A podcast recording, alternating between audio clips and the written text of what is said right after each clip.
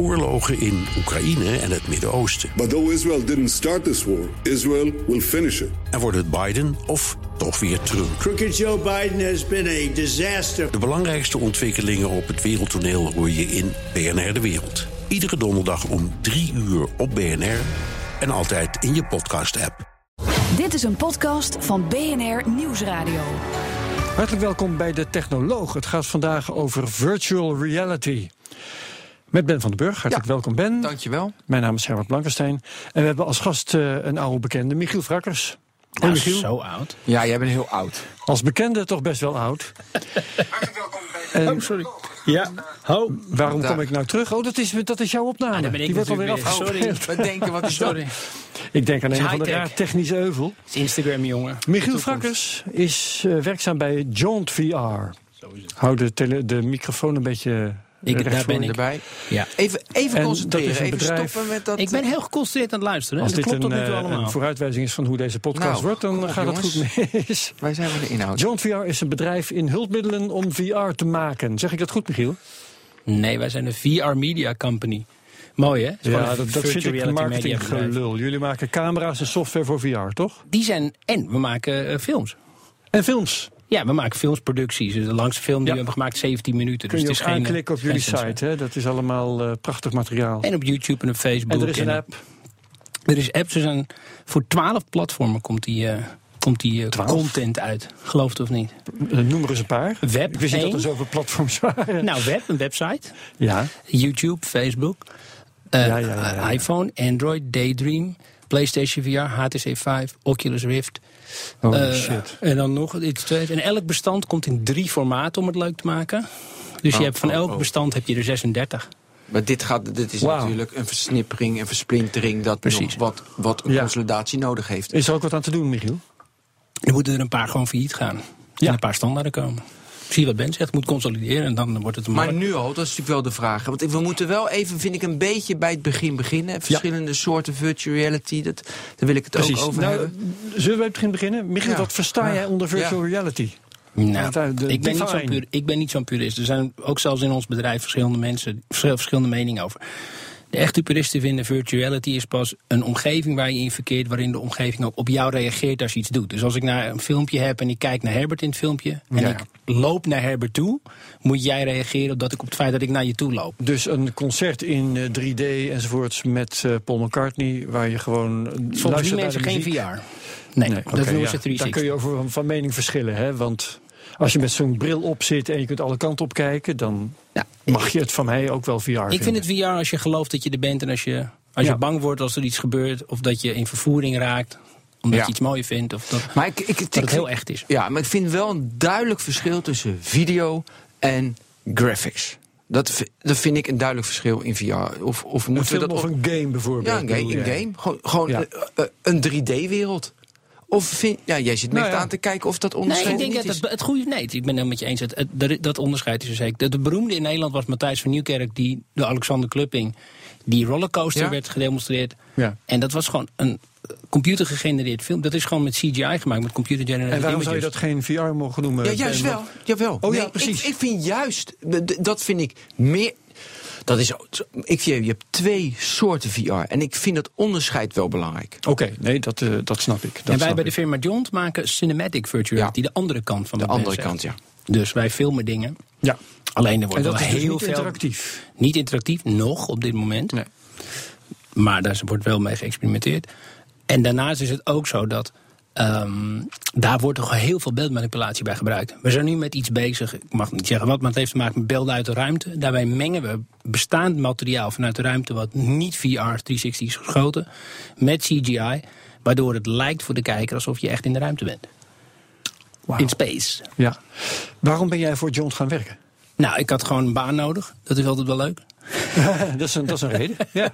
Mijn contract liep af met mijn investeringsfonds. Dus ik wilde graag iets anders gaan doen dan investeren. Dat heb ik tien jaar gedaan. En ik wilde heel lang met Arthur van Hof eh, werken.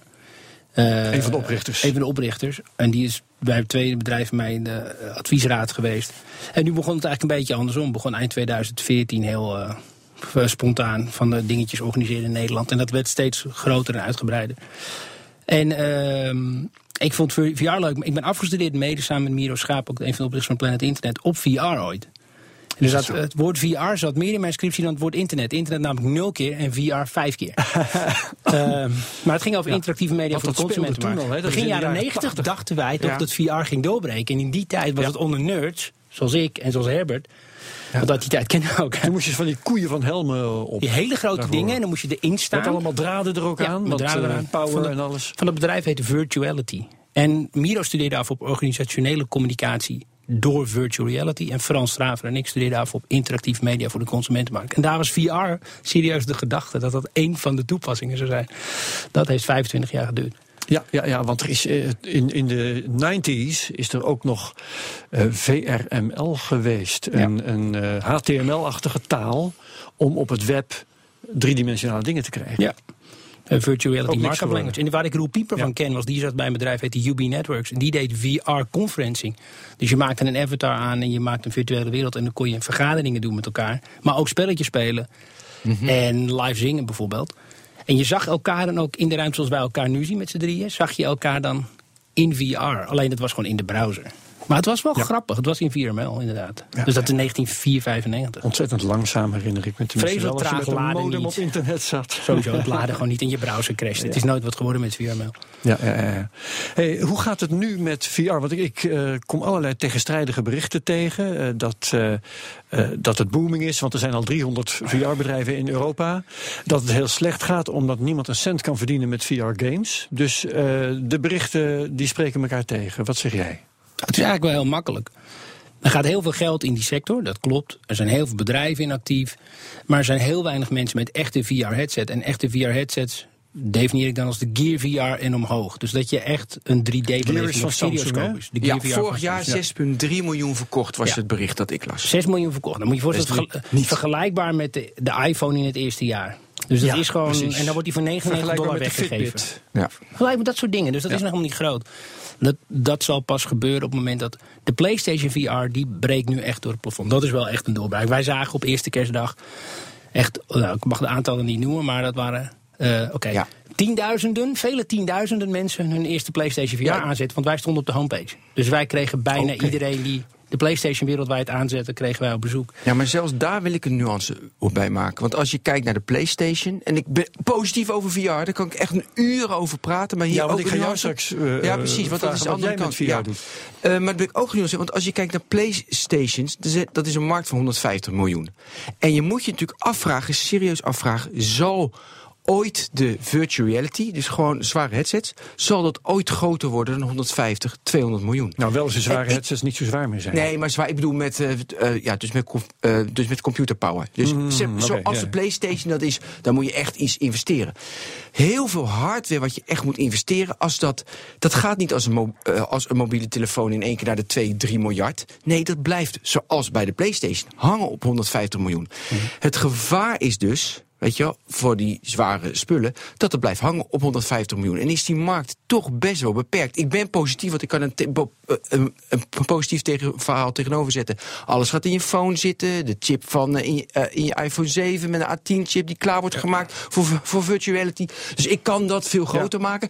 Maar voor dat hele game, play, PlayStation duurt nog echt 2, 3, 4, 5 jaar. Dat is ook wel de reden. Ik ben helemaal met je eens. Dat de reden dat John niet in, geen games ontwikkelt. Het is gewoon een te kleine markt. Het is te duur, te lange terugverdientijd, te lange aanloopverliezen. Ja. Ja. Het is gewoon een, en een te kleine markt. Wij mik- mikken volledig op de mobiele markt. Dat is en, heel duidelijk. en je ziet ook mooi bij, eh, bij John, vind ik, van in het begin virtuality, virtuality. Jullie zijn nu veel meer van, on- eh, inderdaad, op YouTube, op Facebook, dat je het ook gewoon als video kan bekijken met 360 en dan kan je kijken, To- toch? Ja. Of Nou, ik ben, ik ben op één ding echt trots wat ik heb gedaan. Dat, we, dat, dat gebeurt ook niet snel. Eén ding maar. Eén ding. En dat was eh, bij John. En dat was, wat ik ook mag zeggen, er zijn wel meer dingen achter de schermen waar ik denk dat ik een bijdrage heb geleverd, maar dat is beperkt. Ik denk dat de echte ontwikkelaars de grootste bijdrage leveren. Maar dat was dat we de Inside Donald Trump video die we hebben gemaakt hier in Nederland, met Boom Chicago samen. Dat was de eerste video ooit die John heeft gemaakt die uitkwam op Facebook, YouTube in 360. En op alle VR-platformen, Ja. tot en met de PlayStation VR. Dat was de eerste die op alle twaalf platformen beschikbaar was. En Wat kost zo'n productie? die is een paar duizend euro. Alleen, ja, je hebt een camera nodig. Die heeft ja, enkele tientallen miljoenen gekost om te ontwikkelen. Dus het is net hoe je er tegenaan kijkt. Aan out-of-pocket cost Ja, was het. Was het eh, een vlag, een Amerikaanse vlag en een hele goede imitator van Donald Trump, Greg Shapiro. Weet je, van Welcome to my head. Weet je, dat, eh, dat was de openingstekst. En dat is hetzelfde concept wat Arjen Lubach naderhand heeft gebruikt met hetzelfde team. Voor zijn bekende video. Maar de reden dat jullie dit soort dingen maken en geen games... is dus gewoon dat je op die manier, ik zal maar zeggen... meer minuten content kunt maken voor dezelfde prijs. Ja, met een groter publiek. Precies wat Ben zei. Als het op games blijft hangen, blijf je in die... Nou, dat klinkt heel uh, aanmatigend, maar, Nee, 100, maar- 100 tot 200 miljoen hangen. Wij mikken op een markt van 3 tot 4 miljard mensen. Dat is duidelijk. Wereldwijd. Daarom hebben we ook in China onze eerste joint venture ge- gestart. Ja. Dus echt gericht op mensen die hun entertainment beleven op een mobiele telefoon. Ja, maar dat is leuk, hè? want dan zit je dus... We hebben het over virtual reality, maar die 3, 4 miljard... Dat, dat zit op je mobiele telefoon. En zelfs de stap, denk ik al, om je mobiele telefoon... in een een of andere houder te doen... de Gear VR is dan, eh, weet je, eh, dus vanaf die... De, de, de Google Cardboard. Dat is al de vraag. Weet je, de- dat is al van, hey, is die usage echt fijn? Want jij hebt zo'n Gear VR thuis, ik heb hem, hebben hem allemaal Ja. thuis. Hoe vaak gebruiken we hem? Eh, Go- Google Cardboard heb ik thuis. Ja, Ik oké, maar, echt, echt een maar, schooier. hebben- nee, maar goed, je gebruikt hem natuurlijk bijna nooit. Dus, Nee, nee, dus, nee, nee. eh, Om, om, om te kijken wat er voor demo's zijn. En dan ben je, Ja, klaar. dan weet je dat. Ja, Dus daarom is dat qua, qua gebruik mo- mo- moet die ervaring wel beter. En dat vind ik wel, wel aardig. Mag ik een onderwerp? Ja. Eh, ik vind wel aardig. eh, Jullie hebben allemaal dat boek Ready Player One hebben jullie natuurlijk gelezen. En waarom kom ik ermee? Dat, nee, dat is van niet eh, Clive heet die man die dat boek heeft geschreven. Dat is in 2011 uitgekomen. En dat gaat erover dat eh, de wereld is doomed. Het is 2042 geloof ik. 2042, de wereld is kapot.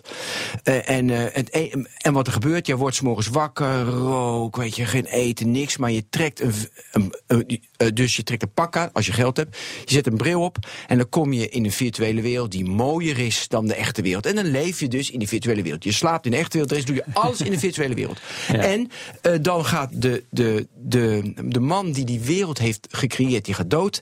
En, en, en zeg maar zijn nalatenschap is dat je als je een bepaalde quest speelt, als je wint, dan mag je zijn wereld, die mag je overnemen. En dat is 280 miljard dollar neem je, weet je, dat erf je. En je mag die wereld overnemen. En er is een hele strijd wie dan wint. En het gerucht gaat dat Mark Zuckerberg dat boek las en daarna eh, kocht hij dus Oculus Rift. Voor 3 nou, maar waarom ik dit vertel? Omdat je zo'n wereld, dat je echt in een virtuele wereld zit met pakken, met sensoring en dat je alles voelt. Dat is, weet je, gaaf. Weet je, gaaf. Maar ver weg. En Ja. John is nu natuurlijk met die wereld bezig om daar naartoe te werken. Maar dat het begint ook heel vaak op 360-video's. Ja. Dat vind ik wel. Maar ik denk ook die 360-video's, die vond ik wel aardig vind. Is al het eerste resultaten blijkt dat die het veel beter doen op YouTube en op Facebook dan andere video's. Terwijl ze nog vrij lelijk worden verteld met een vrij slecht algoritme. Ik wil zeggen, ze zijn heel vaak helemaal uit proportie Ja. getrokken en zo. En de, dat doen wij beter. Maar zijn de, view, zijn de views echt beter? Ja, ik Ja, heb niet gecheckt. Conversies hoger. Dat Ja? zijn de eerste resultaten conversie, die wij niet bedoel je mee?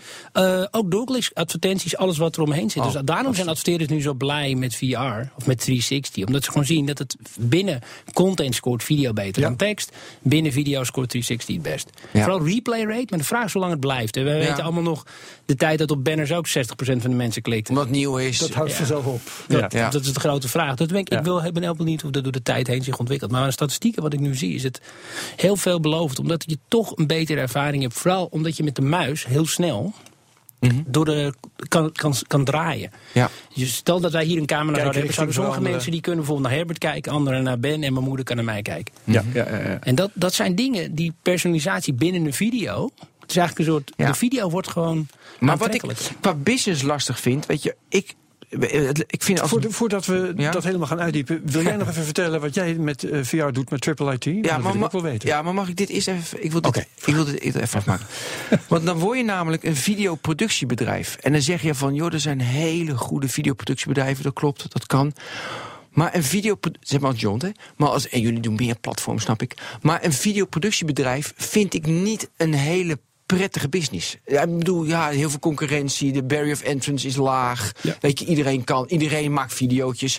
Dat vind ik niet zo'n goede business. En toch is dat een tak van John. En de weten gaat zoveel geld in. Het maakt allemaal niet uit.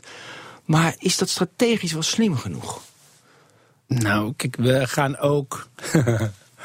Dan moet ik iets gaan zeggen over Ja, het gaat- model. Kijk, eh, laten we het zo Ja, zeggen. graag, want daarvoor zitten we hier. Het, het platform, het idee is natuurlijk dat we de eigen platform ontwikkelen. En het platform aanbieden aan creatieven. Wij willen gewoon de beste technologie suite maken. Camera, software, alles. Jullie core business is niet films maken, maar Nee. is die apparatuur. Wat Nee, onze core business is het hele platform Ja. ontwikkelen. Dus je Oké, wil het eh, virtuality platform van de, het YouTube van virtuality Nou, dat zou zeggen, Rogue One van Star Wars kwam uit laatst. Hè, vorig jaar. Nou, het jaar daarvoor zijn die mensen dat gaan filmen. Dat is de tijd tussen. En dan is er één partij met wie ze willen werken voor VR. En dat is John. En dat komt ook, dat weet ik ook, dat mensen zeggen... omdat onze topman, die kwam, was topman bij Lucasfilm voorheen... dus dat helpt dat we die mensen Ja, kennen. En Disney is aandeelhouder en hij heeft Lucasfilm verkocht aan Disney.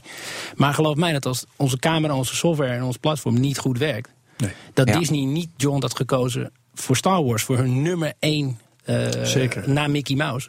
De belangrijkste entiteit die ze hebben. Dus ehm, dat is waar we het voor doen. En uiteindelijk zouden we het liefst natuurlijk mede-eigenaar willen zijn van de content die we dan uitzenden. Maar heel gek, bij Star Wars was dat matig beschikbaar. Ja, Dus- nou, uiteraard. natuurlijk. ja, want, ja, want de licentiekosten zijn mega duur. ja, maar het verschil is normaal, iedereen die wat met Star Wars wil doen, moet betalen aan, aan Disney hè, voor Star Wars. Ja, In dit nu- geval werden nog- wij betaald. Ja, maar dat weet je toch. Nu nog niet. Maar straks toch wel, als het groter is. Nu is het nog een spelletje voor ze proberen. Ja, Toch? het is leren. Daarom- het ja, is leren. Dus daar, maar dat is natuurlijk geen. Daar kan je geen. Je moet ook in de toekomst kijken van wat voor positie heb ik. En die positie kan je natuurlijk. Ik vind het mooi, hè? Het virtuele platform van de wereld. Het is hartstikke goed. Hè? Daar stop je 120 miljoen dollar in. En we gaan met z'n allen geloven, daar gaan we voor. Alleen het is best wel fragiel. Want een Facebook, een Google. Met YouTube kan dat, dat natuurlijk. allemaal ook. Die, weet je, die hebben best wel veel power. Dus wat voor positie kies je? En dat is En je eigenlijk. moet nooit een positie kiezen waarbij je het verkeer moet leveren. Want dat hebben Facebook en YouTube natuurlijk veel meer. Dat is een Ja. Google-Facebook-strijd. Die strijd is geleden in de media. Ik vind het leuk dat ja, maar leg me duidelijk het pla- de- je, je positionering uit. Nou, onze positionering is eigenlijk heel simpel. Dat wij proberen de beste partij te zijn voor hun om zaken mee te doen. Ja. Gewoon om de content mee te maken. En als je VR hebt gemaakt, dan weet je dus dat het zo moeilijk is. Content maken, Laten we goed kijken naar Disney Facebook. dus. Voor Disney? Nee, maar dan ben je dus een Disney. Nou, zoals Herbert net zei, wij leveren de technologie voor hun om dat te doen. En er zijn verschillende manieren wat je dan zou kunnen doen. Je zou bijvoorbeeld Maar de hele contentportfolio die wij hebben, die Ja. kunnen wij licentiëren aan partijen zoals AOL, Verizon, Netflix, Amazon. Ja. Er komt een hele partij Hulu. Onze nieuwe CEO komt van Hulu. Er is een hele grote groep partijen die zoekt content. Wij zijn de enige partij die meer dan 200 items hebben. Ja. Waarvan ongeveer de helft zelf hebben gemaakt en de helft ook hebben gelicenseerd. Die wij kunnen lic- in licentie kunnen leveren. Dan ben je dus, dan ben je dus. Disney. Zoals Disney werkt. Je hebt content gemaakt en je licenseert je content.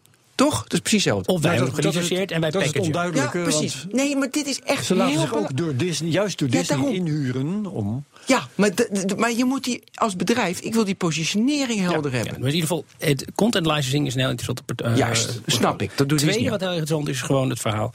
Dat de technologie die wij hebben, Mhm. niet vrijelijk. VR is zo moeilijk om te maken. Daar komen mensen achter de maat ze doen. Facebook, om een goed voorbeeld te geven, je noemde net Facebook. Die hebben al twee jaar geleden gezegd dat er een camera zou komen. Ja. Nou, koop hem maar, zou ik zeggen. Ja. Maak maar, begin maar. Waar dan? Google heeft al nu bijna drie jaar geleden gezegd dat er een camera kwam. Waar is hij? Ja.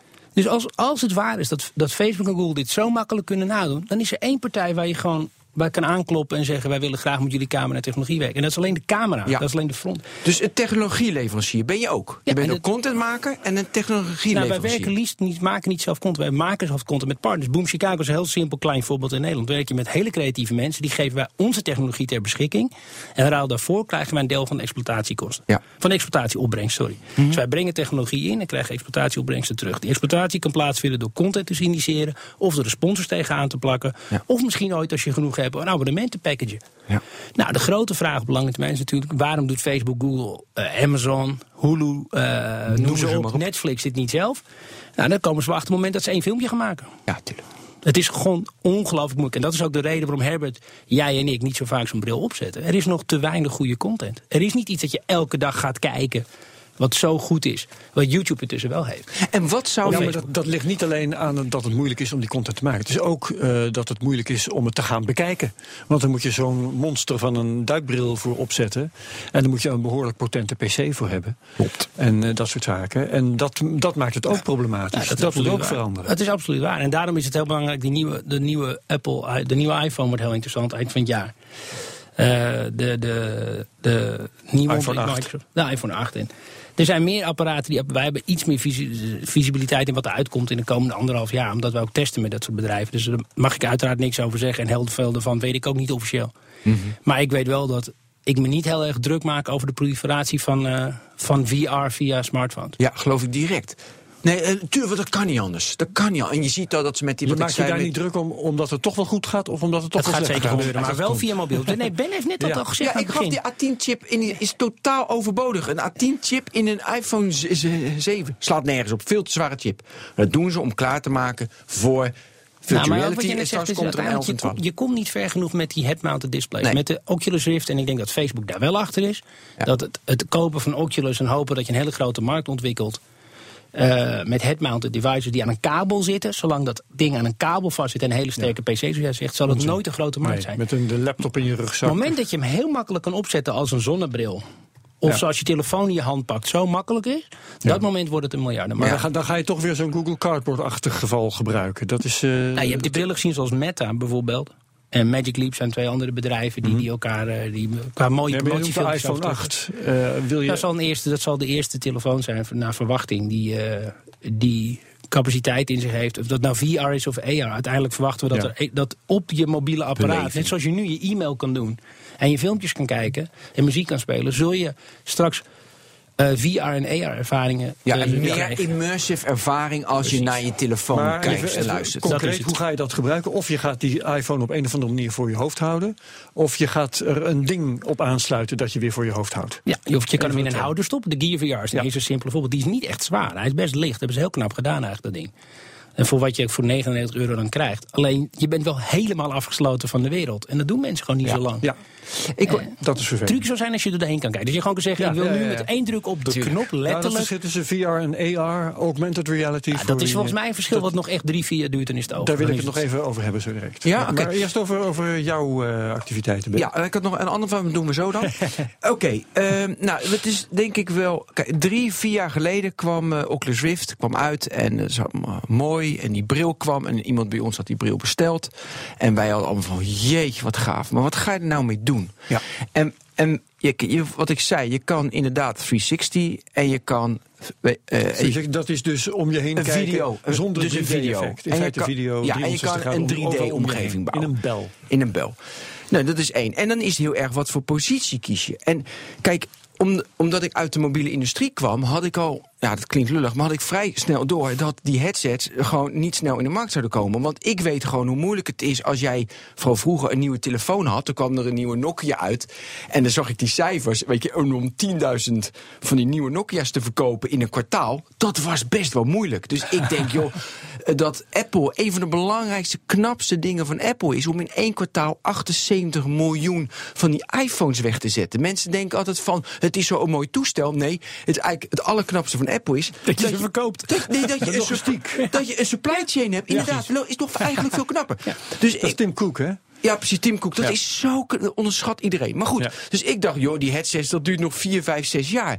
De- en het is heel gaaf. Dus wat moet je nu doen? Nou, toen zaten wij een keer bij de KNVB en daar was Louis van Gaal. En Louis van Gaal, die zetten wij in die rollercoaster. En dat was heel mooi, hè? Dus Louis van Gaal zei, nou, ik ben niet zo beïnvloedbaar door dat soort dingen.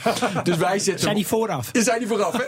dus hij zet hem op en hij was helemaal zweten. Echt van, wow. Hij zegt, jongens, is fantastisch. En met zijn videoanalist zijn we toen gaan kijken wat we ermee konden. En wat je er dus mee kan. Je, eh, iedere voetbalwedstrijd wordt, wordt de data wordt opgenomen. Dus je kijkt, dus je, je hebt camera's langs het veld en dan kijk je naar de data. En van die data maken wij, zeg maar, een 3D-wereld. En wat je dus doet, nu hebben wij dus een, een analyse tool en ook een trainingstool, maar eerst analyse tool. Een voetballer zet die bril op, dan hebben we een 3D-animatie van het daadwerkelijke spel dat ze hebben gehad. En dan kunnen ze kijken een situatie, hé, hey, hoe zit die situatie in elkaar? Daarnaast kan je dus trainen, dus je kan je kan spelsituaties naspelen. Dus jij, jij krijgt een bal en dan moet je direct beslissen: ik speel naar speler A, B of C. Waarom richten we ons dus op clubs B2B? Want wij dachten, ja, dan hoef je maar vijf, zes clubs te hebben. Je geeft iemand één bril en die gaat lekker trainen. Dan heb je niet al die brillen nodig. En, nou, dus dat is zeg maar een business. Dan ben je gewoon een club betaalt je geld, ze trainen en ze worden beter. Een, een, een enhancement voor de sports.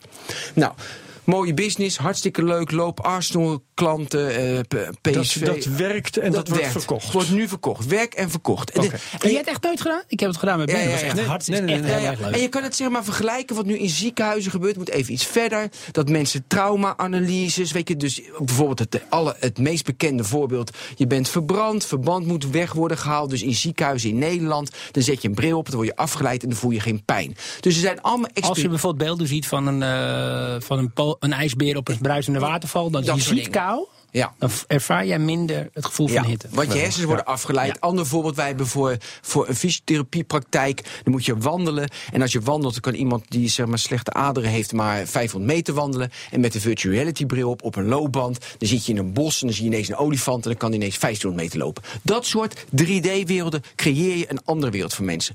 Leuk. Eh, maar, en, nou, dus, maar nu gaan we naar jou toe. Maar dat is zeg maar een sport enhancement. Toen spraken wij van, we willen dat graag ook. Het is een mooi, dat kan ik niet vertellen, maar het was één mooi verhaal. Wij dachten, dit moet ook. Mensen moeten Messi zijn, zoals je kan Messi zijn. Hè? Maar dan moeten mensen thuis ervaren. Maar ja, mensen hebben thuis geen bril. Hoe doe je dat? Dus wij eh, met eh, best wel grote partijen praten. En die zeiden van, ja, die brillen zijn er niet, kan niet. Maar wij doorpraten, doorpraten, doorpraten. En nu ongeveer een maand geleden zijn we met Fox, dat was een wereldwijde primeur, gewoon op je televisiescherm, gewoon televisiescherm, kunnen ze nu, de- kan je dus in één keer schakelen dat jij die speler bent. Heb je hem? Dus normaal staat, die camera staat altijd naast het veld. Maar in virtuality, we hebben die data, kan je dus ineens die speler zijn. Dus je ziet gewoon normaal, eh, weet je, voetbalspel. En dan in één keer kan je schakelen dat je die speler bent. Omdat het een 3D-wereld is. Ja. Nou, Maar dan, je, je ziet het dan op een platscherm. dan zie je op een plaats, inderdaad, zoals jij je, zoals jij je 360 Ja, maakt exact. op een platscherm. Ja. Dus die, zelfs die 3D-wereld gaat naar een platscherm. En die Ja. kwaliteit van die, van die, eh, van die 3D-wereld moet veel beter. Er Moet Daar liefst- gaat het dus niet om, hè? Nee, dat, is nou, het interessante. Ja, da- da- daar gaat het niet om als je traint. Maar op tv wil je wereldwijd bij een WK voetbal. Dan zijn er ook wel mensen dat zou iets beter worden. Er moeten FIFA 17 niveau zijn enzovoort. En uiteindelijk, daar is, eh, daar is eh, eh, Intel mee bezig. Zijn ze ook met camera bezig. Die, waarbij je dus wel in. in in het veld kan staan. Dat ze het inderdaad stitchen allemaal. Waardoor je er met een echt videobeeld kan zien. Maar dat duurt nog, moet je quantumcomputers hebben. Die Ja, nog tien moet jaar. je dat gaan genereren? Nou, dus maar ik leg dit voornamelijk uit, want wat ik het interessantste vind aan de podcast is hoe je dus een nieuw bedrijf, virtuality, hoe je zoiets in de markt zet en hoe je het stimuleert. Jij doet het met, ik wijs nu Michiel, die doet het met 360. Je gaat die wereld van En daar hebben we ook 360 twee jaar over gedaan. Voordat, Twee over, eh, gedaan. En wij begonnen dus met B2B. Toevallig, omdat we dat hadden, kunnen we het nu ook op tv doen. Weet je, en dat zijn. Dus, en we proberen het natuurlijk op tv met Mhm. voetbal eh, wereldwijd te gaan doen. Nou, dat zijn hoe je die business ontwikkelt. Eh, maar het valt op, zowel bij jou als bij mij, is dat. Je begint verder vooraan en daarna loop je terug. Zo is het echt. Ja, precies. Ja, ja, dat is mooi gezegd, ja. Het is echt, want het is. Maar Ja. het grappige is, ik heb dus bij Ben, eh, ik weet nog precies welke wedstrijd het was, Nederland-Ghana gedaan. Ik heb, Ja. ik heb een visueel geheugen, dus ik Ja. onthoud wat ik heb gezien. Eh, de mensen verwarren dat steeds met intelligentie tot ze me leren kennen. Maar ehm, ik was Robin van Persie. Die Ja. jongen die bij jou die demo mij gaf. Ja, Nicolaas. ja, die had ik toevallig bij Van Persie gegeven. was een oefenwedstrijd vlak voor de WK. En het ging voor geen meter. Maar Van Persie scoort. En ik heb die wedstrijd gezien, zowel in het stadion als op tv nog de goals. En nu zag ik het bij Ben echt een paar dagen daarna maar. Dus ik had het ook nog vers in mijn hoofd. En het was heel, het was heel blokkerig en zo. Maar totaal niet relevant. Wat ik zo interessant vond was... dat ik opeens zag dat Robin van Persie nauwelijks beweegt. Terwijl ik altijd het idee had dat die jongen zich te barsten loopt in het Sasselgebied. En links, rechts om vrij. Het is echt een meter naar achter, een halve meter naar links, een meter naar rechts. Hij is altijd recht tussen de palen, kwam ik achter. Want ik kon dus ook, doordat ik de bril op had, richting het doel kijken. Van waar kijkt hij nou naar? Nou, hij kijkt gewoon naar wie de bal heeft, waar zijn tegenstander is. En blijkbaar beweegt hij op een, op een radius misschien van 5 tot 10 meter. En dat duurt 20, 30 seconden. En je weet dus dat hij gaat scoren aan het eind, want ik heb de wedstrijd gezien. Ja. En het is fascinerend om te zien wat een topvoetballer dus doet. Want het is, toen, je ziet gelijk het verschil tussen een G-voetballer als ik was, spits, en het niveau van Persie. Dat het, het is zo fijn, is het.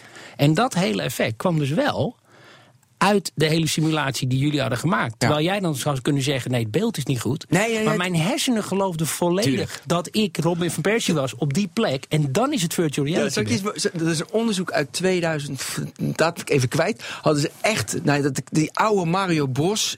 animatie, weet je, zeg maar, die kwaliteit. Ja, ja. En dan moesten keepers, moesten zeg maar in virtuality met zo'n echte slechte kwaliteit hoe het is om een goal als keeper met een penalty een goal tegen te houden. En ze voelden dat met zo'n slechte kwaliteit werd dat toch ervaren alsof ze echt Hartslag gaat een- omhoog en alles. Ja. Ongelooflijk. Ja. Maar goed, voor de massa heb je natuurlijk wel kwaliteit nodig. Daar, daar, Ja, ja. daar zijn, we allemaal, zijn we allemaal van bewust. Je moet wel echt een liefhebber zijn als ik, om dat Precies. echt fantastisch te willen zien wat, wat de- hij dan doet. Het onderliggende wat hier natuurlijk allemaal achter zit, naar mijn idee, is van dat wij dus bezig zijn met virtuality. Daarom is dat een interessant onderwerp. Om de beleving van mensen, de bele- dus hoe jij in de wereld staat, dat wordt aangepast. Ja. En, en dat gebeurt al door die telefoon en dat, dat gaat verder. En dat ben je nu aan het manipuleren. Ja, manipuleren klinkt altijd heel erg negatief. Maar dat zijn je maar aan het beïnvloeden. Hoe je entertainment of, of, of informatie ervaart. Nou, en dan kan je natuurlijk inderdaad voetbal kiezen. Je kan een concert kiezen. Je kan heel veel dingen kiezen. Nou, en dat, ja, dat probeer je zo goed mogelijk. Maar het leuke is bij een Amerikaans bedrijf, dat vind ik dus, ik wilde heel graag, Herbert weet dit al heel lang veel, ik wilde heel graag, jij trouwens ook ben, ik wilde heel graag een keer meemaken hoe dat is bij een Amerikaans bedrijf. Want ik ben hier ondernemer geweest en ik heb in Amerika gewerkt, als, met een Nederlands bedrijf daar naartoe en ik ben investeerder geweest. Maar ik heb nog nooit voor, ik had nog nooit voor een Amerikaans bedrijf gewerkt, wat zo'n achterlijk plan heeft om Ja, echt heel ik groot te worden. Daar wil ik het even over hebben. Ja. En wat ik het grappig hieraan vond is bij John, toen ik zei van oké, we gaan technologie ontwikkelen, alleen maar om heel mooi media te kunnen maken. Zeg maar, dan eindigen we straks met hele mooie camera's, hele mooie software. Maar we hebben helemaal geen creatief. Ik zie hier alleen maar programmeurs zitten. En Arthur zei dan gewoon, ah, dat zien we dan wel weer. We moeten eerst een ding gaan maken en dan kijken hoe we verder gaan. En dat vind ik zo knap. Je hebt dus een hele lange termijnvisie, maar je hebt ook allemaal kleine stapjes. Ja. En het zou kunnen, hebben we ook al, heeft onze CEO al gezegd, George Kliakov. Het zou kunnen dat we misschien wel onze cameratak afsplitsen. Ja. En dat we dus dat tijdelijk hebben gebruikt, zoals ooit een, een slecht voorbeeld, maar een space shuttle lanceert met hulpmotoren. Ja. Dat heb je nodig om van de grond te komen. En als je helemaal in de ruimte bent, dan gooi je de ballast af. Omdat je nu wel vrij zeker weet dat er eh, met die technologie iets gedaan kan worden. Maar je weet nog niet of er het meeste geld zit in de technologie zelf. Of Precies. Wij de denken niet op lange termijn dat camera's het is waar de Nee, meeste marge zit. En dat- software. nee, precies, want dat is hardware. Want de truc wat wel zit, Arthur heeft dus een algoritme geschreven wat het uniek is. En Arthur die schrijft dan in een weekend een algoritme. Dat, dat gebruiken we nog steeds Ja, als preview stage. Ja, dus van? Het algoritme, dat, die camera heeft Stitch? 24 lenzen. Oké, is?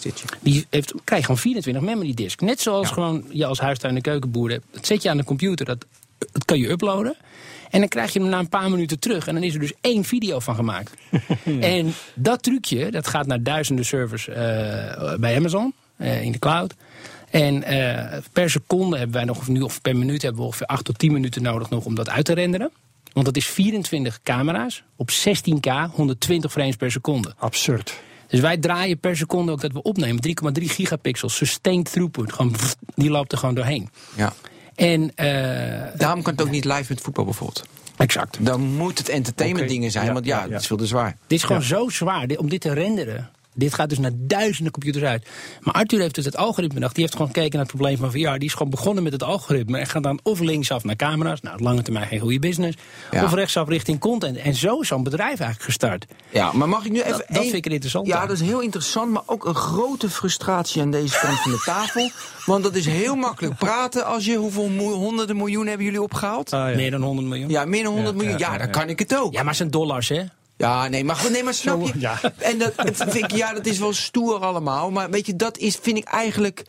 Ja, ja dat, dat kan ik namelijk helemaal niet. Ja, met, dat kan met, ik ook. met hoeveel moet jij het doen? Vertel maar eens gewoon. Ja, als wij, een, als wij ergens een ton in. Ja, natuurlijk wel meer. Maar als wij ergens een ton. dan moeten we serieus over. logisch, Ja, weet je. Je ja, bent een ja, Nederlands ja, ja, bedrijf. En alles denk ik van. Daarom. Kijk, dat is ook de reden dat wij gewoon beginnen met clubs. Want dan krijg je wat geld van een club. En dan kan je doorontwikkelen. Ja, dat moet. Want je weet wat Arthur zei toen jullie demo had gezien, hè? of niet eens demo, jullie, Ja. jullie eerste prototypes. Die zei: Dit is zo leuk, Ja. daar moet je een game van maken. Waarop Ben zei, eh, en Schouten zei: Ja, Doe het zelf. nou ja, weet Nee, je ja, wat het kost? ja, weet je wat het kost? Waarop Ja, Arthur zegt, toch heel menselijk? Ja, maar dan ga je dat geld ergens halen. Als Ja. dat het probleem is, ga je het geld ervoor ophalen. Ja. Maar dit is echt leuk. Maar in Nederland, weet je, zomaar even het geld ophalen. En zelfs in Amerika, als je gewoon maar Benny van den Burg bent of Schalkie Stalman, is het gewoon onwijs lastig. En daarom ben ik toch ook gestopt als investeerder. Er waren twee redenen heel praktisch voor. Eén, ik vond het, als het heel goed ging, had ik niet het idee dat ik er veel aan gedaan had. Als het slecht ging, trok ik het me aan. Dat is een soort slechte trainer moet je weer dan. nooit doen. Nee, dat oké, maar dat zit dan in je of niet. Dus dat kon ik ook niet uitzetten. Ik, wel eens, ik dacht dat dat zou slijten, maar dat slijt dus niet. Het tweede was, Er waren veel te weinig partijen hier in Europa. Het is niet alleen Nederland. Nee, Europa, ja. Die echt door willen duwen. Dat is heel frustrerend voor Zweden. Dat eigenlijk Minecraft door Microsoft wordt gekocht. Ja, een fantastisch product. Weet je? Het feit dat je iets maakt wat blokkerig is by purpose. Dat vind ik zo knap. Dus lelijke blokkerig. super Je maakt van je, van, je, van je gebrek maak je een kracht. En dan zeg je, het is Minecraft. Het zijn blokjes. Het is een feature. Het is fantastisch om van een bug een feature te maken. En dat is toch weer verkocht aan, een, aan Microsoft. Dat vinden die Zweden ook veel. Spotify is uiteindelijk ook verkocht aan een platenmaatschappij. Maar jij zegt eh, dus, eh, dat is de reden dat eh, alles wat meetelt uiteindelijk uit Silicon Valley komt. Ja, en uit China binnenkort. Ik denk gewoon Ja. dat plekken waar het geld zit. Het is niet Ja. zo heel moeilijk. En het ergste vind ik nog, dat zeg ik ook altijd, dat is mijn grootste frustratie, dat Nederlandse pensioenfondsen, die kom, kwam ik altijd in Silicon Valley tegen, want die investeren in Amerikaanse VC's. En dat is ook frustrerend. Terwijl ABP. Nederland veel betere ideeën, veel betere eh, Nou ja, goed, mensen. wij beginnen niet voor niks in Nederland ook een ontwikkelcentrum. Maar natuurlijk niet omdat wij Nederlanders zijn. Het is gewoon een goede business case om te zeggen... je hebt hier hartstikke goede mensen. Niet alleen Nederlanders, maar vanuit heel de wereld kunnen die hier komen. Amerika komen ze niet meer in. Plus je hebt de WBSO. Je Nou ja, een subsidie, ja, dat speelt toch mee? We hebben, ze hebben een visa-regeling. Wat is. WBSO? Oh, sorry, dat is een subsidieregeling dat je ontwikkelingkosten, dat wordt gesubsidieerd. De wet ter bevordering van speur- en ontwikkelonderzoek. En, maar, da- nee, maar, nee, maar daarom zit, eh, weet je, daarom zit Uber hier, daarom zit de Booking hier, weet je, heel veel. Die komen hier Nederlands subsidiegeld Ja, die, ophalen. ja, die zitten allemaal op de Vijzersgracht hier in, in Amsterdam, want die krijgen allemaal subsidie voor, voor die mensen. Nee, je krijgt loonkosten. Je krijgt Nou ja, je loonkostenbelastingkorting. Ja, je krijgt korting. Dus het Vermindering is, van loonkosten. Ja, dus het is een voordeel. En Amsterdam is een leuke stad. Hier. En dus buitenlands wil hij graag Maar het klopt absoluut dat, het, dat dit bedrijf hadden we niet in Nederland kunnen doen. Dus we weten dat Arthur dit in Amerika heeft gedaan. Maar ook raar, als je nu kijkt naar onze aandeelhouders. Je hebt twee soorten aandeelhouders in. Je hebt de mediabedrijven. In het begin heb je wat VC's. Maar strategisch, nu als je verder kijkt, hebben we mediabedrijven. Zoals Disney, zoals Ja, Sky. ProSieben, Sat1. eh, en, en en China Media Capital. En we hebben technologiebedrijven, zoals Google. Zitten als aandeelhouder bij ons. Het is ook een splitsing geografisch. We hebben Amerikaanse aandeelhouders, Europese, uit Engeland en uit Duitsland. En uit China. We hebben twee Chinese aandeelhouders. China Media Capital en China Ja. Media Group. Het is hartstikke interessant om te zien, voor mij, om mee te beleven, hoe zo'n bedrijf gaat. We hebben nou een eh, raad van bestuur, bestaat uit een Belg, een Amerikaan, een Nederlander en volgens mij een Fransman. En, en- en het is heel grappig om mee te maken hoe het- alleen het geld. ja, dat begon toch, het grootste risicokapitaal kwam toch uit Silicon Valley. Hadden wij in Europa, dat weet je ook, Ben, hadden Ja. we nooit kunnen ophalen met Nooit. hetzelfde plan. Nou, nog zelfs met een beter plan niet. Zullen we het over virtual Ja, reality graag. hebben? Eh, Mag ik een vraag stellen nog? Probeer eens. Helemaal terug. Had, had jij van, om het zeg maar, eh, de penetratie groter te maken, hebben we betere content nodig. En toen ging het gesprek, daarna zei hij van, ja, maar het is ook een gedoe om die bril op te zetten. Ja. Maar die betere content, wat is volgens jou, welke content zou je nu moeten maken, dat het, mm, de, zeg maar, de, de Big Brother of de Voice of Holland van virtuality? Nou, ik, ik denk het heel vaak over te piekeren, uiteraard. Ja, want want dat dat is jouw- gouden ei. ja. Dat, is, dat is mijn werk ook. Alleen, ehm, ik denk meer dat het zoiets als met websites is. Ik denk echt, in het begin ooit hadden we hier, Heini Witthagen had de Dutch ho- internet homepage. Die had een homepage gemaakt met alle steden waar een website was. En in het begin- waar? Dat wist ik niet. Ja, het is briljant. Het is echt, op een gegeven moment zei hij, Heini Witthagen van Mirabeau. en wij zeiden echt zo, op een gegeven moment, het- je, je kaart moet je groter maken, Heini. Want er zijn zoveel homepages in Groningen. Ik heb ooit nog eens een boek gehad waar alle websites in nog stonden. exact. Een soort telefoon. Ja, Zo'n telefoon met dat kon je opzoeken. Dat kan ik nog. En kijk, Maar goed. het werkt pas als er zoveel aanbod is dat voor iedereen. En laat ik het anders antwoorden. Ik heb bij Planet Internet op een gegeven moment trekte ik alle uitgaande data van al onze abonnees. Waar gaan ze heen? Waar kijken ze naar? Want als ik weet waar ze naar kijken, kan ik dat gaan maken. Hoeven ze niet anders te gaan halen. Dus ik dacht dat ik heel slim was. We gaan dat cashen. Het scheelt netwerkkosten. Nou, ik was heel snel uit de droom. 95% van het verkeer gaat niet naar de top 1000 websites. Denk daar goed over na. 95% van het internetverkeer gaat niet naar de top 1000 websites. Dat is, nu iets veranderd Dus, door eh, YouTube. nou, dus dat echt is de, ja, en op Facebook. tail, is YouTube. Ja, en Facebook echt veranderd? Het hele lichte data. Dus als je gaat kijken in time spent is het misschien wel zo. Maar als je gaat kijken in dataverkeer is het niet zo. Vooral Mhm. Facebook die reduceert ook alles in, in bestandsgrootte. En maakt alles heel lelijk. Foto Ja. lelijk, video slecht. YouTube is wel een ander verhaal. Netflix is de eerste die dat hele paradigma omgooit. Ja, precies, Netflix. die hebben- Over je pijp. Als ik nu in ISP ben, je hebt net, dat is niet, niemand blij mee. niet blij. Maar wat het grappige is, het bleek dus dat mensen zijn zo divers qua interesses. Dat dit model een medium gaat pas vliegen op internet, een digitaal medium, als er echt een enorme overvloed is aan verschillende soorten content. Zie YouTube, zie Facebook. Dus het Jouw op- Facebook. Het antwoord op de vraag is: dus het is niet een bepaald type trigger zoals The Voice Big Brother. Dat hit-driven denken is precies wat de doodsteek is van VR.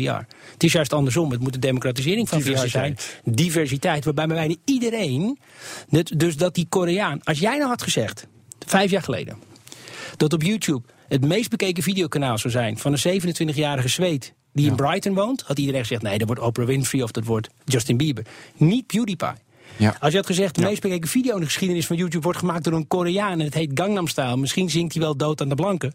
Niemand die het weet, want het is een taal die niemand snapt. Had niemand geloofd. Maar dat betekent, Dat wat ik daar wat nodig uithaal, dat is dat eh, eh, vroeg of laat zul je ook in eh, VR zul je user-generated content krijgen. Absoluut. En dat, dat, verschil, dat, dat vervaagt ook En dan helemaal. moeten die apparatuur die, die jullie met hebben, die 24 camera's en god nog weten hoe duur het is. Een van de grootste hits die wij dus hebben gehad. Klein en goedkoop worden. Absoluut. Maar een van de grootste hits die wij hebben gehad was met een YouTube-ster. Die heeft wel Lily Singh, bijna 10 miljoen volgers. Maar het is is begonnen met user-generated content. En het grappige is dat nu de sterren, die willen in, figureren in de kanalen van YouTube-sterren. Er is een meisje uit Nederland, Ja, Nikki. ja. Die heeft laatst een make-up tutorial gedaan met, hoe heet ze, met eh, Jessie J.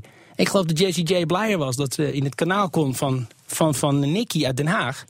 Een voorheen onbekende make-up artieste. Mhm.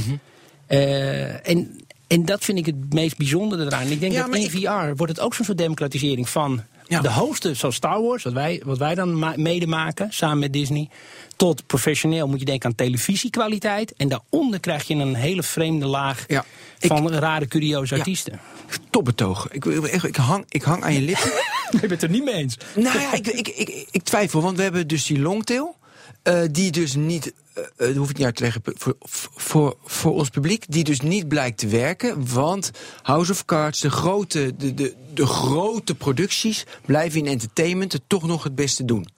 Eh, hoe heet ze? Evers van, eh, van Harvard. De blockbuster theory. Nee, ja, dat, dat- is helemaal eens, dat maar die Ja. zijn niet dominerend. ja, jawel, die pakken alle minuten, die pakken alle engagement. Dat soort grote... pro-. Ja, Nee, ja, het, klopt, het klopt, Ben, voor, eh, voor het deel. Dat, het, ja en nee. Het klopt voor waar mensen voor willen betalen. Dan is het hoge kwaliteit. YouTube lukt het niet om een betaalmodel te interesseren, want het is een hoop tinnef bij elkaar. En voor een hoop modder bij elkaar willen mensen toch niet betalen voor één grote modderpool. Maar ze spenderen er wel gratis tijd. Dus blijkbaar zit er een enorm verschil in perceptie van waarde bij consumenten tussen als iets betaald moet worden, dan moet het topkwaliteit zijn, House of Cards. Ja. Of het moet gratis zijn en dan verwacht je ook niks. Dan zie je YouTube. Ja. En VR breekt door als beide terreinen worden bestreken. Dat, zo simpel is het gewoon. Zoals met web ook gegaan. Je had CNN, die had fantastische content. En je had gewoon een vent die plaatst elke dag Ja. een foto van een nieuw nummerbord. Ja. Geen grap, dat was een hele populaire website. Die plaatst elke dag een foto van een nummerbord. Ja, even, zij heet Anita Elbersen, haar boek heet Blockbusters. En daarin beschrijft ze dus maar, eh, dat de grote blockbusters het nog steeds goed doen. En jij zegt dat is betaalde content. Ja. Maar, maar daar zit dus ook, en dat is interessant, daar zit dus ook het geld. Dus als je gewoon kijkt naar geld, en uiteindelijk moet je altijd kijken waar zijn geldstromen, want daar gaat iets ontstaan. Dan Nou, Google de- maakt ook wel geld. En die hebben bijna geen betaalde dienst. Maakt aardig geld. 60 miljard omzet. ik, ik doe het ervoor. Nou, heb je, nee, maar we hebben het nu wel over, over entertainment. We hebben het niet over. Nee, maar YouTube Nee, zie ik als we hebben het over entertainment. VR Als je naar. YouTube Ehm, kijkt en je ja. kijkt, je, maar YouTube Sorry. is wel video. Nou, uiteindelijk is VR zoals ik het zie, vooral ik kijk vooral niet naar de gamewereld, want ik vind het gewoon spelletjes in VR en je hebt video in VR. Je moet het gewoon zien als een dat technologie die er, zoals Ben aan het begin zei, die, die twee varianten. Ik sta hier met mijn handen te zwaaien alsof het nut heeft in een Mhm. podcast. Maar je hebt links heb je zeg maar video, verlengde daarvan ligt VR-video's. En aan de rechterkant heb je games. In het verlengde van VR-game. En training en learning. En training. En, precies daar heb je nog de hele betweeting. Want waar VR Ja. fantastisch voor geschikt is. Jij noemde het heel kort. Maar het is Ja, wel moet the- langer- moet er lang op- Dat therapeutic evidence. Dat, Ja. dat- dat- op elk congres waar ik heb gezeten kwamen mensen naar me toe. Die hebben VR-dingen gedaan. Bijvoorbeeld tegen hoogtevrees. Ja. Tegen Oh, pleinvrees. dat Maar tegen pleinvrees was een briljante. Die man zei, ja, wat doen we dan eerst? Iemand is bang voor mensen. Nou, hij wil de kamer waar hij in gaat zitten, waar hij bril op krijgt, mogen niet te veel mensen staan, dat vindt hij eng. Ja. Klopt, anders had je geen goede pleinvrees. Zetten ze die bril op. Zetten ze, op het moment dat hij die bril opzet, kalmeert hij. Dan zit hij alleen in een kamer. In dezelfde kamer waar hij net zat, hè, trouwens, moet ik even goed uitleggen. Volgens komt er in die kamer één iemand binnenlopen in het filmpje. Ja. Nou, na een minuut komt er een tweede. Die moet er niet te dicht bij hem gaan zitten. En langzaam kan hij het aantal opvoeren. Ja. En dan blijkt dus dat die hartslag van die persoon wordt helemaal gemeten. en Dat dat doe je ook met hoogtevrees. kun je met eh, hoogtevrees ja. doen, met pleinvrees, met spreken in openbaar. Het is bizar hoe je hersenen registreren dat het echt is. Terwijl die vent weet dat hij net die helm op zijn kop heeft gekregen. Ja. Ik vind dat nog steeds zo ik, vind bijzonder. met, ik vind met die industrie, wij hebben twee appies gemaakt.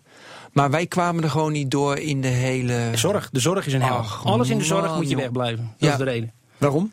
Omdat de zorg gewoon een, eh, natuurlijk een mafioze markt is van een beperkt aantal. Ja, die- nee, maar het is echt voordat je die registraties hebt. Ze blijven het maar uitstellen. Ja, het is, ja. het, het- nee, maar dat is jammer, Herbert. Ja. Weet je, dat je niet... Nee, dat geloof ik. Hoeveel healthcare startups heb jij al niet gehad door de jaren heen? Weet je nog, Zweden van Wijnberg had een heel interessante Healthion van Jim Clark. Ik kan het, uh, Kerkhoff, helaas kan ik in elke sector Ja, ongeveer ja. de startups opnoemen die gesneuveld Gaat zijn. de ratsmodee. Allemaal naar de- de- Je komt er niet bij. Maar de andere sectoren zijn duidelijk. Wat, ik, wat het me verbaast dat ik het niet in zie nog steeds, is een vertical voor travel. Je ziet je hotel, voordat je erheen gaat, kan je je kamer zien. Hoe moeilijk kan het zijn? Ja. Zou ik voor 10 euro extra, als Booking.com nou een video's hebben, klik. Dit is de gewone kamer voor 110 euro en voor 125 krijg je deze kamer. Als je dat nou zou kunnen zien, dan, kan, dan zou toch een upsell mogelijkheid kunnen zijn? Je zou zo, zo, zo- wel zo, waarschijnlijk zo snuggen dat als de kamer niet zo mooi is, dan is hij net niet beschikbaar, die video. Maar als hij wel mooi is, laat je hem wel zien. Misschien is dit een moment om die vraag te die me al heel lang op de lippen brandt. Want jij zei daarnet, eh virtual reality en augmented reality gaan naar elkaar toe groeien. Mhm. Terwijl volgens mij een hele grote tegenstelling is. Namelijk virtual reality. Heb je die duikbril op, zie je alleen maar het digitaal gegenereerde beeld. Augmented reality. Kijk je door een bril heen, zie je de ruimte om je heen. En daar worden digitale dingen geprojecteerd op de muren en op de tafel en Mhm. op eh, weet ik veel wat.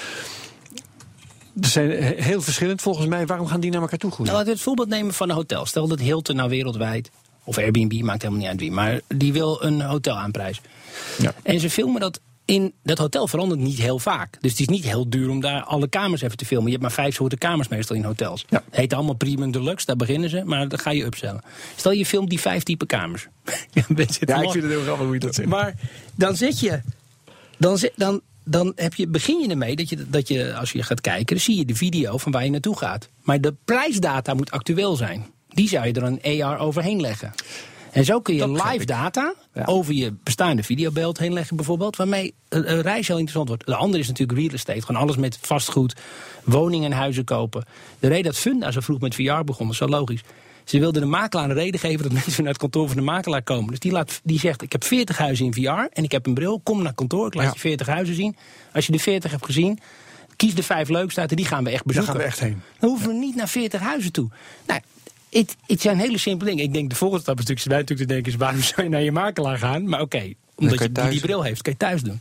Maar die mengeling van een vooropgenomen videobeeld met de overheen live prijsdata en actualisatie, Ja. ja, die is super interessant. Dat Die, snap eh, ik. en- en Op dit moment is het, voorbeelden is het toch of-of. En dan valt mij op dat, eh, de, dat virtual reality allerlei bezwaren heeft. Een misselijkheid. En je ziet eh, de, mensen om je heen niet en zo. Je, je sluit je af. Terwijl eh, augmented reality... eh, blijf je contact houden met je omgeving. Eh, het, het, het werkt in allerlei omgevingen. Je hebt, je hebt nog steeds je eh, evenwichtszintuig blijft werken. Mhm. En dat soort zaken meer. Maar VR is ook minder dan 5% van de mensen die daar last van heeft. Alleen als je slechte. VR hebt niet. Je moet altijd de horizon stabiel houden. Dus jij denkt niet dat, dat augmented reality, eh, als het gaat om, om gaming bijvoorbeeld, dat dat eh, makkelijker te verkopen is? Oh, absoluut. denk ik denk dat. Ja, dat zeeslagje super laag is. Laagdrempeliger, precies. Je kan Ja. zeeslagje doen hier aan tafel, weet je, tegenover Ja, elkaar. ja, ja, ja. En vier op een rij ook. Dus het is... Het is eh, ik denk alleen dat dat die hele tegenstelling helemaal nergens op slaat. Ik denk juist dat het Hmm. truc is hoe je de dingen combineert. Van Microsoft, Apple en iedereen die ermee bezig is. Die, iedereen weet gewoon... Arthur noemt steeds VR de stepping stone naar AR. Ik snap nooit wat hij ermee bedoelt. Maar, ehm, maar in ieder geval verwachten we dat allemaal dat het... Nou ja, dat zat ik ook te denken of het andersom is. Maar jij zegt net, je sluit je af van je VR. Dat vinden mensen vervelend. Maar ik kan je vertellen dat helaas heel veel mensen... Dat, dat is juist een escape. Het zal niet zijn, het zal niet Ja, zijn twee uur per dag. Maar het Ja. zou wel zijn 10 minuten tot een kwartier per dag. Je moet vooral denken, 80% van de mensen op aarde onder de 30 woont in Azië. Dat vergeet echt. Als ik hier de verkiezingen volg, heb ik altijd het idee dat ik kijk naar de verkiezing van Smurverland. Dat dan is van Andorra. Het Nee, is gewoon serieus Andorra. Het is gewoon zo grappig. Kijk, wat we. Ik, Ja, ja? het- waar gaat dit over? Denk ik, ben, woon dan een deel van het jaar in Azië, Amerika. Ik woon inderdaad als een soort nomade intussen. Ik, ik wist ook niet dat 80% van de mensen onder de 30 in Azië woonden tot ze dat aan me vertelden. Toen geloofde ik het niet. Toen moest ik al die Verenigde Naties data. Dat is dus zo. Die mensen hebben hele kleine huizen. Zoals we in Nederland ook steeds meer krijgen. Ja, Mijn ja, onderburen, hier in Amsterdam.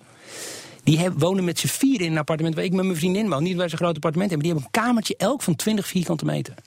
Het zijn eh, geen studenten, hè? dit zijn professionals. Want eh, de eigenaar wil geen eh, studenten in zijn huis. En die hebben dus geen gedeelde communale woonkamer meer. Die hebben de keuken een woonkeukentje gemaakt. Maar die, en zo, dat, die leven als Aziaten noemt dat. In Amerika is dat altijd het geval. Zie je de film Friends, serie Friends. Die mensen in Azië, die, die hebben, trekken zich terug in hun smartphone. Hun hele entertainmentwereld, Ja, ja, ja. die is ook helemaal niet rond laptops gebaseerd of De PC's enige manier om nog ruimte te hebben. Die ruimte zit in je hoofd, zetten die klep, die zetten dat ding op hun harses. En dan zijn ze weg. En dat is hun escapisme. Want daar heb je ruimte in. Terwijl als je om je heen kijkt, gemiddeld appartement in Tokio is 32 vierkante meter. Er wonen gezinnen in. Ja. Dus ja, het is niet, ik zeg niet dat ik het vrolijkste wereldbeeld heb, maar het is wel realistisch dat je in, juist in VR en AR hele mooie dingen kan gaan doen binnen een beperkte fysieke ruimte. En dat is volgens mij het escapisme dat VR dat biedt, is voor het jullie ook de grootste markt.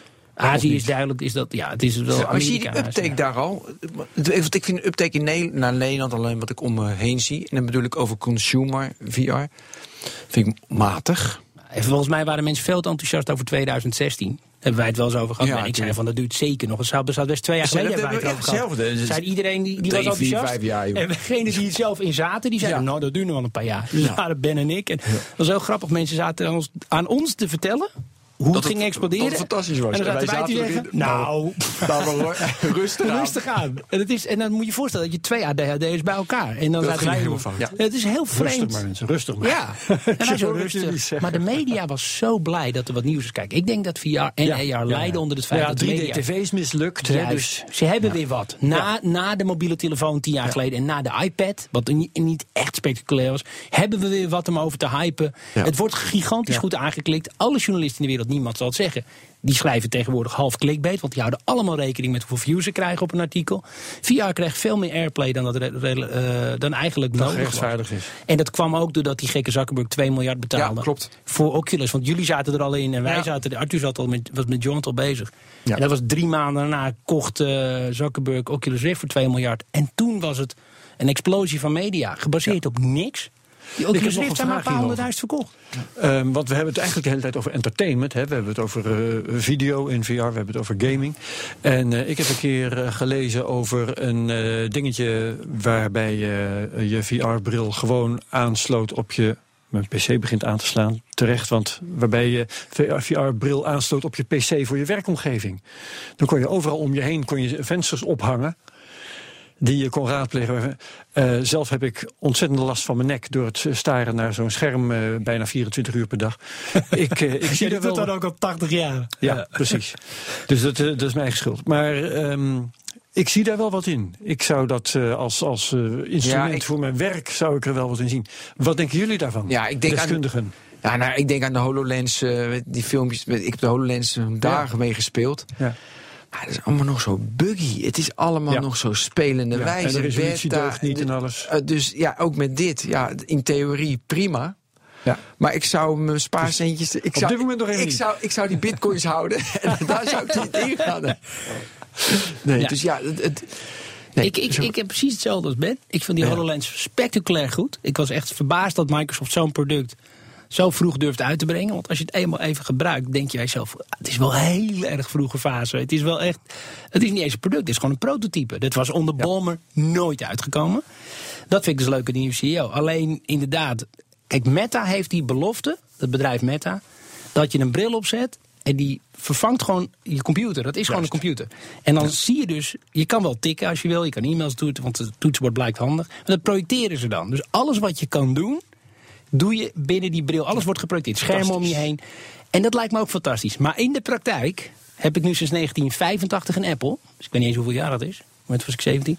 Ja, toen bij 32 Veronica kwam. Veronica was het eerste testcentrum van Apple in Europa. Toevallig werkte ik dat toen. En Ja, ik reis dus niet alleen met een laptop, maar ook met mijn mousepad. Omdat ik zoveel mail en zo snel wil klikken, dat mijn trackpad van mijn laptop werkt voor mij niet snel genoeg. Verhouding tot mijn trackpad die precies voor me ligt. Dus zo gevoelig ligt het voor mij dat ik mijn...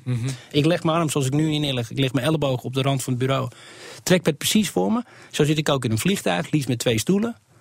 En dan gebruik ik de, de middenstoel, zit ik aan het gangpad of dan. Die gebruik ik voor me, omdat ik precies zo snel met die trackpad wil kunnen werken. Dat ik precies de cursor goed kan neerzetten. En dat is waarom ik op een iPad niet kan tikken en op een iPhone ook niet. Het gaat te traag. Ik tik 200 karakters per. In ieder geval, ik, ik, ben- ik heb zo'n type diploma uitgehaald en dat, ik ben snel. ja, bij, eh, dus bij Scheidek Instituut. Serieus zoiets, ja. Ja, Nee, maar, het punt is, geleden. maar het punt is, Ben, dat als ik dat nu heb, Kennen jullie 30 jaar later. of zo? Nee, maar 30 jaar later is het zo gevoelig dat ik kan niet met zo'n ding overweg als mensen kunnen. Het gaat me te traag. Moet je je voorstellen voordat Meta die finesse die je met een muis, met een trackpad kan halen met je wijsvinger, voordat jij die projecteert. Nou, ik denk weer dat we vijf tot tien jaar verder zijn. Minimaal vijf. Maar eigenlijk, Ja. als je maar hard kijkt, wat jij zegt over die bitcoins in je zak houden. Nou, ik denk 10. Ja, tien. Ja. Dus dat is niet zo lekker de wereldbeeld dat we hier eigenlijk schetsen voor je hebben. Nou ja, wat, ik, wat, ik wel, wat wel fijn is, is dat er nog wel tractie is dat je, wat we oh, hebben het ook niet over gehad, het over entertainment, over dat je wel VR-werelden, al die marketingachtige activiteiten. Weet je, daar, zijn, daar is best wel vraag naar. Dus je hebt bijvoorbeeld een. eh, eh, je wil zien hoe Amsterdam is in, eh, en weet je, in 360. Ja. Daarin zit nog wel. Weet je, dat is nog wel een- in Nederland een aardige. Zie- Zie, je dat trouwens in het buitenland ook? Dat de marketing VR-dingetjes nog wel aardig werkt? Of Dit jaar heel erg, ja. Vorig jaar niet hoor, maar vorig jaar was dat maar experimentele budgetten. Dit jaar zien we dat de grote mediabureaus wereldwijd, en wij hebben dan echt New York, Parijs, Londen, Ja? Shanghai. Ehm, ja, geef eens voorbeelden. Nou, bijvoorbeeld wat Manchester City is een praktisch voorbeeld. Die voetbalclub die wil wereldwijd. Dat is ook de enige club die heeft zes of vijf satellietclubs. is ook eigendom van een eh, eigenaar uit het Midden-Oosten. Of zeg ik niet goed? Ja, en van de Sheikh. Ja, en volgens mij Thailand ook. Weet ik niet meer. Maar in ieder geval, eh, die willen investeren. En die gebruiken Facebook als een marketingkanaal met 360-video's. Hebben wij een matchday gemaakt met hun in VR, 360. Gewoon om, omdat ze weten, het grootste deel van hun publiek zal nooit naar het stadion komen. Dus ze hebben 80 miljoen Facebook-likes. Ja. Wat moeten ze doen? Die matchday-ervaring willen ze overdragen aan de mensen die nooit naar Manchester komen. Nou, en daarvoor gebruiken ze nou VR. En het is ontzettend succesvol. Heel toevallig was er namelijk ook een vechtpartij precies waar onze camera's stonden. Dus dat was leuk. Tussen Chelsea en Manchester City. Een, moet wedstrijd maar met veel reuring. Je moet maar boffen. Maar dat hebben we ook gefilmd, Ben. Ja. Met Rico Theta-camera's, monocamera's rondom het veld. En een aantal John Ones. En als je dat goed combineert tegenwoordig, kan je met een hele goedkope camera dus een hele uh, rijke ervaring. ervaring maken. Ja, en dan ga ik een hele ouderwetse vraag stellen. Hoeveel views heb je dan op zoiets? Nou, wij doen nu gewoon 25 miljoen views per video of zo. Oh, Serieus? wat, op zo'n video? Ja, natuurlijk, want Manchester Holy City, moly. die komen niet op ons platform voor het grootste deel, op het VR-platform. Die zitten op Facebook en op YouTube van Manchester City. En ga ik een nog ouderwetse vraag stellen? Moet je Wat dan je daarmee? Ja, precies. CPM. moet ik aan CPM's denken? Ja, het heel ouderwets. Ik weet of is het één grote sponsordeal? Of hoe zit het businessmodel doen eruit? niks, wij doen niks wat niet betaald wordt. Wij werken... eh, Maar het is dus, dus niet op 25 miljoen CPM's, drie nullen eraf, eh, CPM's Nee, heel dit gaat niet op. Ja, want, daarom nee, want Manchester City. Manchester City die, die levert zelf het grootste deel van het publiek. Wij geven hun een ervaring, de hulpmiddelen waarom wij samen met hun zo'n soort ervaring Dus het kunnen maken. bedrag is gewoon de productiekosten plus vinger in de lucht. Technologie licensing. Het is een mix van technologie licensing en productiekosten. En distributie. Omdat wij doen drie dingen. We leveren technologie, Ja. hè, de camera en de software. Ja. We regelen de productie, doen we niet zelf, maar daar, dat besteden Ja, we naar weer uit aan de line producer. En als derde doen we de distributie op alle VR-platformen. Nogmaals, wij zijn het enige bedrijf in de wereld Ja. die op alle platformen een Ja, video precies. kan uitserveren. Dat is die 25 miljoen. En mag, ja, ik, ik hoop zo dat je een bedrag. Ik ben zo benieuwd wat zo'n productie nou kost. Nou, wij doen, eh, John gaat nooit zeggen? iets doen. Nee. Wij doen niks voor onder een paar ton. Dat doen we nooit. Daar gaan we niet werken. Jeetje, dus dat hebben ze over voor zo'n dingetje. Mooi. Dus dat is het antwoord op de vraag: eh, gaat marketing erin? Enorm. Wij doen nu de America's Cup. Eh, ben Ainsley, een Engelse zeiler, die gaat proberen de America's Cup met zeilen naar Engeland te halen. Wat ontzettend, ja? ik hoef jou niet uit te leggen wie Ben Ainsley is, maar de meeste mensen wel ben. Eh, Herbert, die kijkt me aan. huh? Maar, Ja, die, ja. ehm, maar dat wordt gesponsord door Land Rover. En, en die investeert daar heel erg in. Want die willen die hele ervaring overdragen van hoe het is om als Engelsen proberen te winnen van de Amerikanen. Met Land Rover een Engels merk. Ja. En die stoppen daar inderdaad serieus het is geld nu natuurlijk nog zo dat je je daarmee onderscheidt. Hè? Eh, Klopt. Ik ben een merk en ik doe iets met VR. Ja, maar ze kijken toch wel heel is. erg naar de views hoor. Ik had ben toevallig Ja. een mail gestuurd gisteren. Ze kijken heel erg. Iedereen kijkt naar de views. Wat komt er op Facebook en, YouTube binnen? En het voordeel is nu wel dat zij sinds dit. We praten dus over Nee, iets views vijf maanden geleden ook- kon dit pas hebben. Het 360 kon vorige zomer nog niet. Dit kan Ja. pas sinds een paar maanden. En nu komt ook Instagram met 360 en Snapchat. Ja. Let maar op. Maar nu, als je, als je dat wil ervaren als nederige internetgebruiker, dan moet je naar een redelijk eh, eh, selecte hoeveelheid content. Klopt, er is veel Waar te dit soort commercials eh, bij horen. Dus je komt daar al gauw terecht. Dat is wel een goed punt. Want je, ik zit even te denken. Er heeft wel twee dingen met elkaar die elkaar kruisen. Er is een enorme behoefte in de marktwereld aan branded content en storytelling. Ja. Niet meer van hier is mijn spotje, maar zoals Albert Heijn reclames nu is, gaan ze met iemand met Down syndroom. Eh, die moet nu Albert Heijn gaan marketen. Precies. Ja, storytelling, eh, ja. het is echt storytelling. En dan, ja, ze zeggen niet meer, we hebben spersiebonen. Want dat weten we blijkbaar al. Ja. En aan de andere kant heb je dus die behoefte aan video. Hoge kwaliteit video. Of in ieder geval heel erg enerverende video. Die er op internet is. Mensen zien internet nu grotendeels. Dat zie je ook aan de artikelen. worden steeds korter. Steeds korter. Blendel is echt zo'n soort tegenhanger nog, weet je, uit het stenen tijdperk. Met langere artikelen, met long reads. En, en daartegenover heb je gewoon die korte, snelle vi- video's vroeger. Ik ga nu uit de oude doos, maar voor Flabber, waar ik ooit in heb geïnvesteerd, waren video's 7, 8 minuten. Dat was in 2005, 6, 7. Dat is nu gewoon 2 tot 3. 2 tot 3 minuten. Dat is zo kort, zelfs video's. Maar als een VR-video net lang is op 5 minuten. YouTube straks een oneindige voorraad Ja. VR-content is, Ja. dan hoeven mensen niet meer om dat te ervaren naar commercials te gaan zitten kijken. Nee, ik denk dat, dat, dat op lange termijn is de pre-roll nog altijd tot, net als de banner tot Dan, uitsterven dan kom je daar, ja, dan kom je daarop Hey, terug. ik wil even die tegenhanger van korter, korter, korter. Dus, er is een hele groep die willen alleen maar langer, langer, langer. Dat zie je aan de series. Ja, precies. Denk Ja. je nou echt dat ik korte troep ga lezen? Ik lees of alleen maar long reads of ik lees niks. Want Ja, dat is van allemaal... twee minuten, dan kijk je er Precies, nee, naar. tu- tuurlijk. Dus daarom is het wel een tegenhanger, hè? Dus de, Het lezen bedoel. Lezen, maar ook video's. Weet je, de, ah, soms wel kort, maar je je wil verdieping. Omdat het allemaal zo vluchtig is in de wereld. Dan willen heel veel mensen, bijvoorbeeld Herbert, die wil juist de verdieping. Want Maar dan dat is je- helaas een klein percentage. Als je naar de aantallen ja, kijkt, is het... maar dat zijn nu precies de voorlopers die uit, over tien jaar doet weer iedereen dat. Ik hoop dat je gelijk hebt. Ik vind het heel erg dat mensen stemmen op partijen. Dat, wat vanmorgen een vrouw zei. Vanwege verlaging van de hondenbelasting gingen ze PVV stemmen. Hoor ik op de radio. Ja. We zijn wel, gaat echt wel van links naar rechts, naar boven en naar onder. Nee, maar bedoel jij over mensen die dus interesse hebben in langere dingen of een diepere ervaring? Daar gaat het even om. Daar hoop ik dat jij gelijk Ja, hebt. precies, want dan staat er slecht 360. voor. Ja, oké. En, en voor jou is die 360, dat, dat, dat, dat diepe, rijke verhaal is natuurlijk belangrijk voor jouw business ook. Ja, en wat ik nu heb gezien is heel simpel. eh, Om even terug te komen op jouw punt van... je begint heel geavanceerd en uiteindelijk kom je met een simpel product. Met je voorbeeld van mijn televisie wat je op Fox uitzendt. Er is bij ons een jongen die heeft een tool gemaakt. Twee jongens hebben een tool gemaakt bij John. Dat als je in een, ven, in een, win, gewoon een browservenster kijkt naar een 360-video... weten wij na 5000 mensen die hebben geklikt... Want wij meten continu data meerdere keren per seconde hè, waar mensen naar kijken. Dus wij weten vrij goed. We kunnen werkelijk aan adverteren zeggen.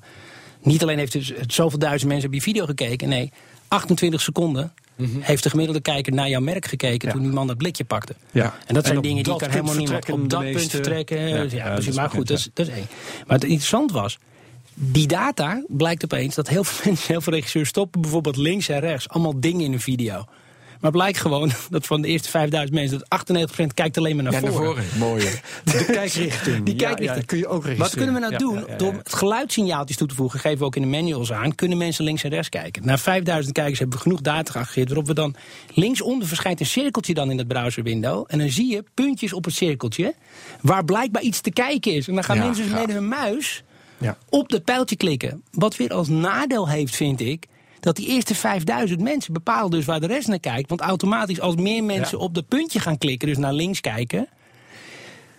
Eh, Wordt dat weer een self-fulfilling prophecy? Want dan gaan heel veel mensen naar links kijken. Dus die eerste 5000, dus zitten we nu te kijken, hoe extrapoleer je dat? Ja. Maar er zitten hele interessante dingen dus in hele simpele 360-video's. Omdat je anders niet weet waar je naar moet kijken. Je krijgt dus ook weer een nieuwe soort interface. je. want Fantastisch dat je zo leert eh, je eigen medium te gebruiken. hè? Dat is, Ja, we doen eh, maar wat, joh. is allemaal dus eh, ja, nee, we zijn, maar dat We is doen leuk. maar wat. We knutselen Ja. wat. Het is wat leuk, dat Ben ook. Daarom is Triple zo'n leuk bedrijf. Omdat zij echt dingen maken die ze bedenken en dan als de partners vinden die dat willen financieren. Dat is eigenlijk een beetje een mooie combinatie. We doen maar wat. Ik vind het een mooie conclusie. Maar mag ik nog één vraag? stoppen. Mag ik één slotvraag? Laatste vraag. Laatste vraag. Ik vertelde net over het boek Ready Player One. Dus in, een in 2022. Gaan we ooit zo'n wereld krijgen dat je s'morgens een pak op en je zit echt in een wereld die mooier is dan de echte wereld? Herbert, wat denk jij? Nee, vind ik bullshit. Bullshit. Ja. Jij? Ik ook. Oh. Ik geloof helemaal niet in die Maar het is dingen een met leuk park. verhaal. Oké. Eh, Denk jij van wel? Wat denk jij, Ben? Eh, ik, denk, ik denk werkelijk dat er werelden gecreëerd worden waar ik in ga, die op bepaalde aspecten, met, met bepaalde aspecten, beter zijn dan echt wereld. Luister, maar eh, Michiel heeft dat verteld van die Chinezen of Japanners die heel klein wonen en alleen met Jongens. een VR-bril op ruimte kunnen ervaren. Dus in die zin Ja. eh, zit er een kern van Er wonen op dit moment 1,3 miljoen. Ik, ik heb in Tokio gewoond. Er, er wonen 1,3 miljoen jongens. Die komen nooit meer buiten. want hun game spelen is achter hun computer is interessanter dan de wereld buiten. Dus die bestellen alles. Die zitten alleen maar achter de computer. documentaire gezien. Ja, mooi. In die zin is het waar. Eh, dus nou ja, ik ben benieuwd. Eh, we sluiten af. We sluiten af. Eén ding wil ik zeggen nou, als mensen bijna al geen bril willen opzetten, het mislukken van Google Glass en, Nee, en- wacht en- maar. en- Over- als mensen geen bril willen opzetten, wat denk je dat de kans is dat ze een duikpak willen aandoen?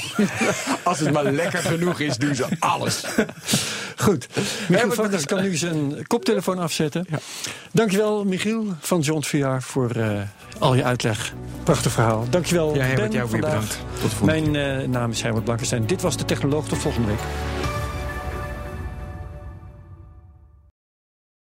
Ook Liesbeth Staats vind je in de BNR-app. Ja, heel handig. Luister live naar Kees en mij tijdens de Daily Move. Dan blijf je ook gelijk op de hoogte van breaking news en het laatste zakelijke nieuws. En daar vind je ook alle BNR-podcasts, waaronder de Perestrooikast. Download nu de gratis BNR-app en blijf scherp.